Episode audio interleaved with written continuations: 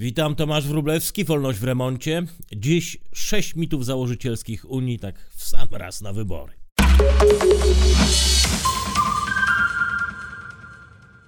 Nie jestem jedyny, jak czytam z Państwa wpisów, którego razi przyczynkowość i małostkowość tej kampanii do Europarlamentu, ale nie zrzymałbym się na kandydatów, co raczej na narrację, na sfałszowany mit założycielski Unii Europejskiej, który tak naprawdę nie pozwala nam dotrzeć do istoty sporu i na co dzień poruszamy się w fikcyjnej przestrzeni, wyrosłej trochę z takiej pięknej bajki o mądrości państw, które nauczone błędami dziejów stworzyły mądrą instytucję ewoluującą w stronę jeszcze mądrzejszej, perfekcyjnej Unii. Ever Closer Union.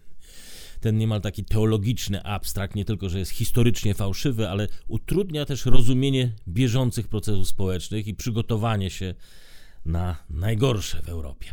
Zacznijmy. Mit numer jeden.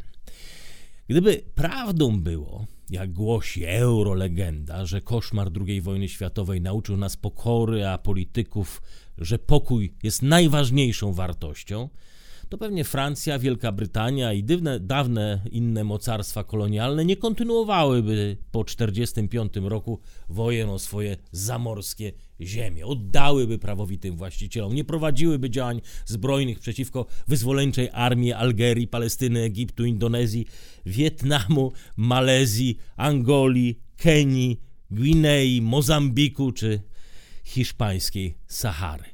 Wybitny historyk y, Timothy Schneider w książce Droga do wolności y, pisał, że geniusz Unii Europejskiej nie polegał na wyciąganiu wniosków z koszmaru wojny, ale to był instynkt samoobrony, pozbierania się po upadku dawnej imperialnej siły i sklejenia tego, co zostało z dawnych kolonii, dawnej świetności, te resztki, wszystkie sklejenie w jedną Unię wspólnotę pokonanych dla ocalenia tego, co udało się zachować i trzeba było dalej tego bronić przed szalejącą zarazą komunizmu, wewnętrznymi sporami Francja-Niemcy i dalszą, dalszą pauperyzacją klasy średniej.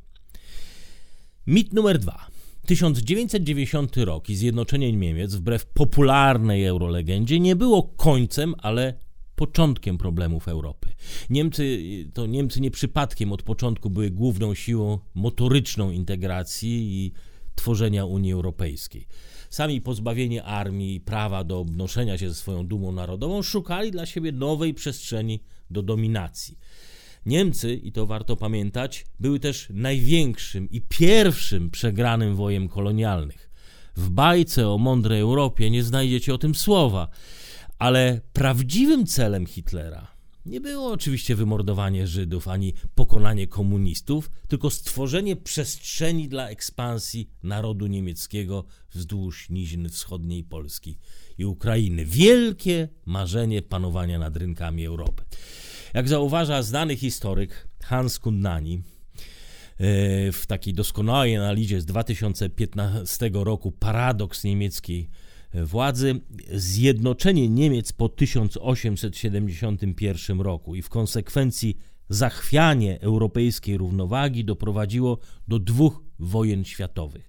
W 1990 roku wraz z kolejnym zjednoczeniem, a potem ustanowieniem strefy euro, problem destabilizacji Europy wrócił. Niemcy po raz kolejny zdominowały Europę. Mit numer 3 dotyczy europejskiej solidarności. Wiary, że istnieje coś takiego jak wspólnota interesów i dusz i pomaganie sobie nawzajem. Po 2009 roku, tak jak przed pierwszą i przed drugą wojną światową, Europa wpadła w spiralę napięć ekonomiczno-politycznych, społecznych również. I tu znowu Niemcy narzuciły Europie swoją własną politykę, politykę oddłużeniową jak niegdyś politykę windykacy, windykacyjną na Bałkanach. Wymuszono głębokie oszczędności kosztem dobrobytu całych narodów Grecja, Cypr i inne kraje. Y, miała ona gwarantować spłatę kredytów niemieckim bankom, ale też stabilizację euro, a w konsekwencji miała stanowić wsparcie dla europejskiej machiny czy niemieckiej eksportowej. Kryzys zaczął swoją wędrówkę po Europie, od Cypru, gdzie obywatele zostali zmuszeni do płacenia za błędy banków, potem była Grecja, szybko zwasalizowana przez Niemcy i dalej Irlandia, Islandia, Włochy, Hiszpania. Kiedy pierwszy kurz opadł, Europa trochę jak w przededniu I wojny światowej. Wszyscy już zdążyli nie, znienawidzić Niemców, a Niemcy sami byli pełni osobistej urazy i pogardy dla greckich nierobów, jak mówili, włoskich sowizdrzałów. Kundani też pisze o tym i pisze, to była geoekonomiczna wersja konfliktów, które kiedyś spowijały Europę. Kiedyś, czyli po zjednoczeniu w 1871 roku. Mit numer 4, czyli Unia Europejska najwyższym stadium rozwoju zachodniej cywilizacji. Za przykładem Niemiec i Francji, powołujących Unię węgla i stali, poszły szybko inne dawne imperia kolonialne, przekonane, że lepiej się związać z Unią niż zostać czyjąś kolonią w przyszłości. Dzień, w którym Europa ostatecznie wycofała się z wojen kolonialnych, był też pierwszym dniem obowiązywania tej bajki o mądrych narodach. Historię okrucieństw i upadku kolonialnych mocarstw zastąpiono miłą dla ucha, miłą do słuchania opowieścią o mądrych traktatach, o ojcach założycielach, tych wszystkich wspaniałych urzędnikach brukselskich, którzy w Excelu i Wordzie spowili liberalną alternatywę dla brutalnego, na przykład militaryzmu Ameryki. Unia Europejska jest jest ewenementem na tle całej historii ludzkości, ale nie dlatego, że stworzyła model idealnej demokracji, czy jakiś, e, czy jakiś nowy byt społeczny, naród na przykład lepszego Europejczyka. Nie, nie stworzyła.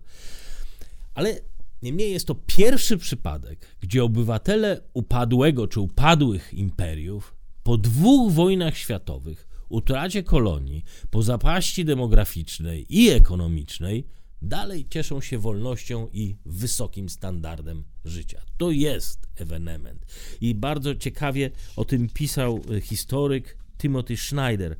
Zwykle upadek imperium oznacza upadek cywilizacji. Europie udało się zrobić coś odwrotnego: zachować twarz i polepszyć wizerunek zachodniej cywilizacji. Jeżeli możemy dzisiaj mówić o jakiejś pamięci zbiorowej Unii Europejskiej, to chyba tylko o kryzysie 2009 roku. Wstrząs, który przypomniał państwom i rządom o twardej politycznej rzeczywistości. Zakwestionował legendę o nieskończonym postępie, o nieskończonym dobrobycie, o moralnej, intelektualnej przewadze Europy nad Ameryką. Wstrząs, który przypomniał państwom, wszystkim i każdemu też z osobna, że muszą polegać na sobie. Że Europa to dżungla interesów, a Unia to tylko przerwa w historii, a nie jej dopełnienie. I wreszcie mit numer 5. Wspólna Europa ma przed sobą świetlaną przyszłość. Mit. Dziś nikt poważnie w Europie nie mówi o dalszej integracji, o spójności, synergii. Nowe słowo wytrych obowiązujące w Unii nieważne jaką opcję reprezentujecie, to protekcjonizm. Europa protégée, hasło Macrona. Europa, która chroni. Strach pauperyzującej się klasy średniej, strach przed Chinami, Rosją, Ameryką, przed obcymi imigrantami, tańszą siłą roboczą ze wschodu, przed Amazonem, Uberem, Facebookiem. Strach jest powszechny. Europa się dziś zamyka, a nie kwitnie i rozwija. Naszą europejską odpowiedzią na wyzwanie nowych technologii jest co? RODO, podatek elektroniczny. Partie nie dzielą się w tych wyborach na liberalno-socjalistyczne i narodowo-konserwatywne. Nie zabiegają o więcej czy mniej państwa w gospodarce. Ich programu dzisiaj nie określa stosunek do wolności rynkowych czy własności prywatnej. Różnią się tym, przed czym chcą nas chronić. Lewicowa partia, hiszpańska partia Podemos używa słowa ochrona tak naprawdę na każdej stronie swojego manifestu. Austriacka, antyunijna, prawicowa FPO chce, żeby Unia chroniła jej granic, choćby nawet z użyciem wojska. Niemiecka Partia Zielonych chce, żeby Unia zapewniała ochronę przed robotyzacją rynku pracy. Matteo Salvini z włoskiej Legii domaga się kontroli na wewnętrznych granicach Unii i ochrony, uwaga, kultury europejskiej. Emmanuel Macron i jego République de Marché chce ochrony rynku pracy i europejskiej płacy minimalnej. PiS PiS mówi o protekcjonizmie, o gospodarczym protekcjonizmie. Więcej dla rolników, więcej dotacji, więcej inwestycji do Polski. E, Koalicja Europejska też mówi o protekcjonizmie kulturowym, oczywiście o powrocie do liberalnego status quo, dotacjach dla sztuki, dla kultury, dla artystów. Różnią ich hasła, ale w głębi serca nie różni ich ocena sytuacji. Europa jako deska ratunkowa, a nie trampolina w lepszą przyszłość. I wreszcie mit numer 6. W Unii wszystkie narody są równe. Na geopolityczne wstrząsy rozsypującego się postimperialnego modelu Europy dodatkowo nakłada nam się rozpad wewnętrznej konstelacji sił sterujących Unią. Europejska Partia Ludowa, najpoważniejsza, największa partia rządząca Europą, EPP genialnie działająca maszynka polityczna, decydująca o wszystkich i wszystkich w Europie. Kontrolująca europejską scenę polityczno-ekonomiczną tak naprawdę od 1989 roku, od historycznego już obiadu w Kanceln Bungalow w rezydencji Helmuta Kohla. E, historia zresztą została bardzo dobrze opisana ze szczegółami w pierwszej oficjalnej biografii Kohla Hansa Schwarza. E, to było równo 30 lat temu. Przy stole zasiadło wtedy u Kola w domu kilku premierów, zaufany krąg ekspertów, doradcy kanclerza do spraw europejskich. Zebrali się, żeby wytyczyć strategię polityczną centroprawicy na te nowe przyszłe czasy, które dziś chyba właśnie się powoli kończą. W Kancel Bungalow powstał plan europejskiego networku partii ludzi, którzy przez ostatnie trzy dekady kontrolowali wszystkie, niemal wszystkie aspekty polityki europejskiej. W tym gronie powstawały i dalej powstają założenia ważniejszych regulacji, strategii, programów gospodarczych i społecznych, które natychmiast stają się prawem dla pół miliarda ludzi. E, belgijski znawca unijnych procesów Steven van Hecke pisał: EPP e nie wygrała przez wybory, wygrała wciągając do swojego elitarnego grona konkretnych polityków, a z nimi ich partie. Kolekcjonowała wpływy, pisał. Z kolei były doradca e, Emmanuela Macrona, Shahin Wali, to jest rozmowa w Financial Times, powiedział, Istnieje symbiotyczna zależność między potęgą Merkel a potęgą EPP. EPP jest instrumentem Merkel do projekcji władzy w Europie. Większość unijnych rozwiązań politycznych, fiskalnych, klimatycznych, społecznych projektowane było z myślą o wzmacnianiu niemieckich interesów gospodarczych kancelarii Merkel, a potem przenoszono do EPP i dalej na resztę Europy. Donald Tusk i jego kariera jest tutaj najlepszą egzemplifikacją człowieka Berlina. Merkel doprowadziła tą swoją maszynkę do perfekcji sprawności.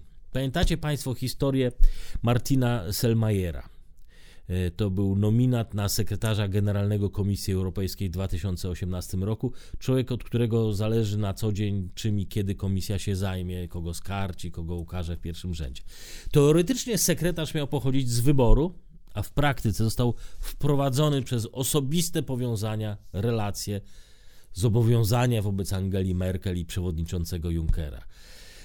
To był najlepszy kandydat dla Europy, ale dlatego, że był najlepszy dla Merkel. Nikt nawet nie śmiał zadać wtedy pytania, czy można zakwestionować taki tryb dziwny wyborów i nominacji. Ostatecznie stało się coś, czego ojcowie założyciele, założyciele Unii Europejskiej obawiali się najbardziej, że właśnie któryś z tych dawnych kolonialnych okruchów jednak zdoła odbudować, a przynajmniej zagrozi Europie odbudową swojej mocarstwowości. E, amerykański historyk Robert Kagan na łamach Foreign Affairs pisał niedawno i znowu stajemy przed tym samym pytaniem co zawsze. Jak długo jeszcze silne Niemcy będą rezygnowały ze swoich mocarstwowych ambicji. Właśnie, jak długo? Strach, nacjonalizm i protekcjonizm wracają do Europy, zresztą jak zawsze wracały, kiedy chwiała się europejska równowaga sił. Sypie się porządek polityczny, który stworzył nową niemiecką potęgę, wymarzone, modelowe mocarstwo na miarę Kaisera Wilhelma II i Mitteleuropa. Co zrobią Niemcy? Co zrobią, kiedy zbuntowane narody znowu zechcą odebrać im ich Europę? To jedno pytanie. I wreszcie pytanie na te wybory. Co będzie lepsze dla Polski? Wygrana euroentuzjastów i podążanie dalej tą drogą wmawiania sobie, że wszystko się jakoś ułoży? Czy szukanie nowych pomysłów, nowych sił na zmianę i nowe rozwiązania? Ale na to to już sobie sami musicie Państwo odpowiedzieć na durną. Nie na to jest ten program. Ja zapraszam na kolejny odcinek Wolności w Remoncie na kanale Warsaw Enterprise Institute, a w wersji audio w Spotify i w podcastach iTunes.